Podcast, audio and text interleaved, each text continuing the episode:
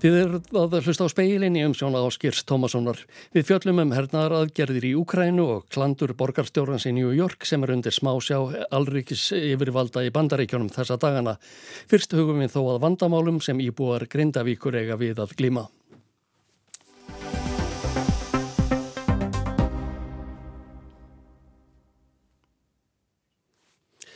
Á ríkistofnafundi í dag var ákveðið og samtíkt að leggja fram frumvarp um tímabundnar launagreðslur til grindvikinga.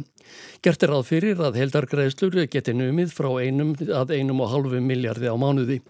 Reknaður með greiðslum út februar. Linda Bálandal rætti við Lilju Alfreðsdóttur við skiptafráð þeirra, Þórdísi Kolbrunur Eikförð Gilvadóttur fjármálar á þeirra og Guðmund Inga Guðbarandsson félagsmálar á þeirra. Þetta snýst um tímabundnar greiðslur til þess að hægt sé að greiða fólki laun þannig að það er ákveðið hámark á þessum greiðslum sem að atvinnureikandi getur þá fengið frá ríkinu til þess að geta borga uh, laun samkvæmt þeim skuldbyndingum sem að atvinnureikandin hefur gagvert starfsfólki sín. Hvert er hámarkið? Hámarkið er 633.000 krónur og að auki eru greitt 11,5% í líferisjóð. Er þetta þá einhvers konar öðruvísi greiðslur en venjulega launagreiðslur? Þetta eru, eru sérstakar greiðslur úr ríkisjóði sem að eiga sér nú fyrirmynd í svo kallum sóttkvíjar greiðslum sem að voru á koronaveiru tímanum. Þannig að við eigum mjög skýra fyrirmynd að þessu og leggjum bara ríka áherslu á það að hér er komið úrræði til þess að styðja við það að fólk fái laun og þurfi ekki að hafa eins miklar áhyggjur á afkomisinni. Svo þetta er náttúrulega stöðningu við launafólk í Grindavík og fyrirtækinni Grindavík. Mun þetta verða kannski útvíka til þeirra sem að starfa utan það bæjarins? Það hefur engin ákvörðum verið tekinum slíkt. Við erum að nálgast þetta gagvart þeim sem að ekki geta stunda sína vinnu í Grindavík vegna þess að þar var svæðið rýmt. En við erum líka að horfa til þess að við erum að, að setja inn í þessi nýju lög að fyrirtæki megi ekki greiða sér arð fyrsta árið eftir að greiðslum líkur nema þá að þau endur greiði þann stuðning sem þau hafa fengið frá ríkinu. Þóttus Kolbrún, hvað kostar þessi aðgerð, svo má kalla, sem að þið, já, ríkistjórnum leggja fram vegna launagreisla? Kostnamatið er tæplega miljardur til svona 1,4 á mánuði og það er gerst ráð fyrir þetta gildi út februar. Er ekkert ákvæði um að þessu verði þá framlengt við ákvæðinar aðstæðar? Við byrjum á þessu út februar og þannig kaupum við okkur þá tíma og veitum fólki skjól sem að það þarf á að halda og getum þá svarað ákveðnum spurningum vegna þess að við vitum auðvitað að þetta er mjög marglaga verkefni og marglaga áfall fyrir grindvikinga og þau sem þar starfa. Ég sé fyrir mér auðvitað alls er að fristingu á þessum hérna óvissu tímum og ég held að það sé mjög mikilvægt að koma því til skila vegna þess að það eru svo mikil fjárútlát sem þessir einstaklingar þurfa að fara úti. Það eru margir sem eru komnir í leiguhúsnæði, vita að áborgarnir munum svo hækka, mögulega þegar þessu óvissu ástandi er lokið og það þarf í raun og verið þrengt. Það þarf í fyrsta lægi að vera afkomu trygging og stjórnvöld er að koma því. Í öðruð lægi þarf að vera húsnæði skjól og fjármálastofnanir getur þetta komið þar inn betur og svo í þriðja lagi þarf auðvitað fólkið í Grindavík að geta ráði við þessa stöðu og þessar auknum byrðar sem þau eru að lendi í. Við erum að heyra þessi greiðslufristing í þrjá mánuði, allavega þá svona fyrstum sinn en, en vextur og verðbætur haldi áfram að, að liggja á láninu. Ertu þá að tala um að það verði bara greiðslufrestur og, og, og niðurfelling vaksta? Það er ekki mitt að útværa þetta en ég skora á bankana að gera betur, þeir þekk þetta mjög vel, þeir vita það líka eins og öll þjóðin að aðkoma þeirra, hún hefur ekki verið eins góð í, í mjög langan tíma og þess vegna er ég ekki nokkrum vafa um það að fjármálastofnanir hafa sveigurum til að gera betur. Þetta voru Lilja Alfreðsdóttir, Þórdís Kolbrún Reykjörg Gilvadóttir og Guðmundur Ingi Guðbrandsson.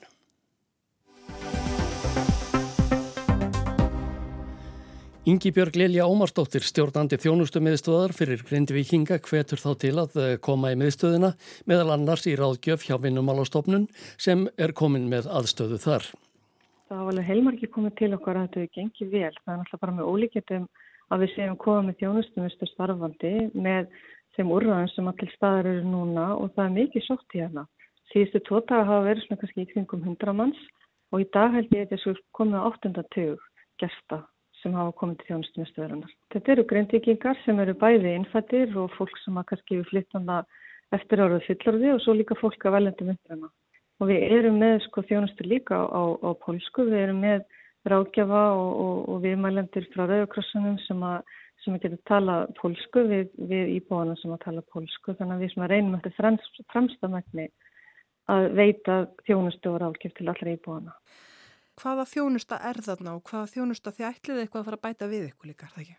Jú, við byrjum sko í rauninni bara í eins og, og fjöldihjálparstöðin þannig að við erum með sálfélagslega stuðningur á orðakrossunum og, og náttúrulega samveru, vettvang fyrir samveru fyrir Grindavíkur íbúa og, og börnin þeirra. Þannig að það er svona barnahorð en svo ákvað félagsþjónustan og fræðslisviði frá Grindavíkur bæ að vera líka staðsett í þjónustanistöðinni þannig að þánga er þetta að sækja félagslega rákjöf þannig að maður bara mætir og maður pantar viðtal og veitil það annars við erum í sjálffélagslega þjónustu eða í félagslega rákjöf en svo er alltaf að bætast við þannig að núna hafa bæst við vinnumálastofnun þannig að það er að panta viðtalja þeim í rákjöf þongað og svo líka náttúrulega trygging Íslands. Hún þegur líka eftir hátið hjá okkur og það er alltaf panta viðtal í rákjöf hjá þeim. Sko er einhver staður þar sem að fólk getur bara skoðað hvað er og verður í bóði? Verður þið með eitthvað heimasíðu eða eitthvað slikt? Það er núna að vera bara að vinna harfum höndum að því að, að vera með svona þjónustu gáttin í Ísland.is og það er bara á allar næsta dögum sem að það opnar En í millitíðinni þá mælum við með því að fólk fari inn á heimasíðu Grindavíkubæjar þannig að við munum nýta þá síðu fanga til að þjónustu gáttin opnar og notum öruglega líka heimasíðu Grindavíkubæjar og samfélagsmiðlana samhliða. En við sjáum svona fyrir okkur þessi þjónustu gátt verði með sem flistar upplýsingar sem að Grindvíkingar þurfa á að halda. Það fólk sem að þið hafið hitt, hvað brennur á því? Fólki sem við hefum hitt er náttúrulega statt bara í miðri aðverðarás og við meðum bara ekki gleyma því og þar er leiðandi að þá er náttúrulega tilvægna þeirra algjörlega á hliðinni. Þeim er náttúrulega mikið mun að komast inn á heimilin sín og, og ná að í þá muni sem þau þurfa að halda þar. En svo er það íbúðamálinn sem er náttúrulega í algjörum brenniteppi hjá þeim að því að það er svo margt sem að, sem að staða heimilin sem byggir á. Það eru skólar og það eru leikskólar og það félgst að barna og svo framvegis og líka dagleg þjónusta sem að einhver íbúið nýta sér og svo heima þjónusta eða matur heim fyrir, fyrir ákveðna hérna, samfélagshópa. Síðan er það líka afkomumálinn. Fólk hefur miklar, miklar ágjur og vangaveltur í tengslu við það þannig að það er afskaplega gott að vita að það eru bara komin ákveðin úrraði í tengslu við það þannig að við hvetjum endilega íbúið til að koma í samtal og ráðgjöf hjá vinnumálastofnum til þess að kynna sér það nánar. Þetta sagði Yngibjörg Lilja Ómarsdóttir, fagstjóri hjá Almannavörnum og stjórnandi í þjóðunustuð miðstöð fyrir Grindvikinga. Miðstöðun er staðsett í gamla tóllhúsinu í Tryggvagötu Reykjavík. Ragnhildur Tólasíus rætti við hana. Í speklinum í gerðkvöld var mér sagt að nú væri verið í fyrsta sinna nota ljósleðara við svartsengi til að mæla jæraskjálta. Í rétta er að þetta er líklega í fyrsta sinn sem rauntímamæling á jæraskjáltum fer fram með ljósleðara byggðist er velveringar á þessu. Úkrænu hér hefur síðustu dagirinn náð árangri í baróttunni við innrásarliði rúsa í Kherson hér að í söður hluta landsins. Herstjórnin tilkynnti í dag að liðið hafi brotið sér leið yfir á austurbakka Nýprófljóts sem þykir mesti árangur sem náðst hefur frá því að gagsóknin gegn rúsum hófst í júni. Í tilkynningunni sem byrt var á samfélagsmiðlum segir að Ukrænu herr hafi náð fótfestu á Östurbakka Dnýpró. Eh, þar segir einnig að yfir þúsund eh, rúsneskir herrmenn hafi fallið í bardugum að undanförnu og 1200 herrgagn verið eðilögð. Varnarmálaráðunettið í Moskvu hafði alltaf aðra sögu að segja um hernaðar aðgerðirnar. Í tilkynningu sem það sendi frá sér í dag segir að Ukrainst herlið sé enn á vesturbakkanum eftir að hafa reynt að sækja yfir fljótið. Yfir 460 ukrainskir hermenn hafi fallið og rúsum hafi tekist að eidilegja tvo skriðdrekka og 17 önnur farartæki. Eins og venjulega eiga fjölmiðlar erfitt með að staðfesta upplýsingar stríðandi fylkinga. Fyrir þessari veiku staðfesti þó ennbættismadur í hérastjórn aðskilnaðar sinna í Khersson að ukrainskir hermenn hefðu náð yfir á Östurbakkan. Þá saði Andri Jermak, yfirmaður fórsetaskrifstofunar í kænugarði í viðtali við bandareska hugveitu í vikunni, að árangurinn sem náðst hefði síðustu daga ekki möguleika ukrainska herliðsins að ráðast á rúsnask skotmörk á Krímskaga sem rússar lögðu undir sig árið 2014. Hann sagði að 70% af skaganum væru innan seilingar. Því væri aðkallandi að vestrænar þjóðir sendu úkrænumönnum meira af opnum til að fylgja árangurinnum eftir. Boris Pistorius varnarmálar á þeirra Þískalands skýrði emitt frá því viðtali við ríkisútvarpið ARD í kjær að stjórnveld hefði í hyggju að tvöfalda hernaðaraðstóð sína við Úkrænu á næsta ári úr fjórum miljörðum evra í átta. Þessi við bótsagðir á þeirra að ætti að endast Úkrænumönnum út árið. Reynsla þessa árs síndi að fjárþörfin til að, mæta innrás rúsnænska hersins væri gífurleg. Engin Evrópu þjóð hefur að undan förnu varið jafn miklum fjárhæðum til herrmála í Ukrænu og svo þíska.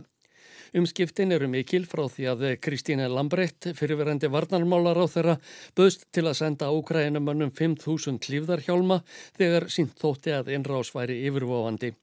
Með því sagði hún að þjóðverðar síndu í verki að þeir stæðu með Úkrænu í baróttunni við innrásarlið rúsa. Úkrænumannum var ekki hlátur í hug við þessa hjálmasendingu þjóðverja. Ég er kæftstopp, saði Vítali Klitskó, borgarstjóri í kænugarði. 5.000 hjálmar eru algjört grín. Hvað fáum við næst frá þeim? Kotta.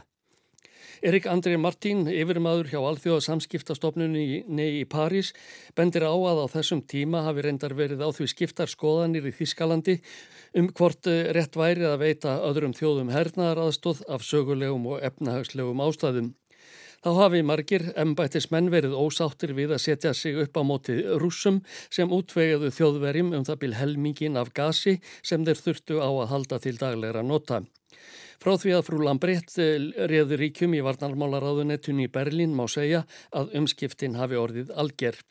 Samkant samantækt efnahagstofnunarinnar í Kíl nefnur aðstóð þjóðverja frá því að innrósun hófst 17,1 miljardi evra.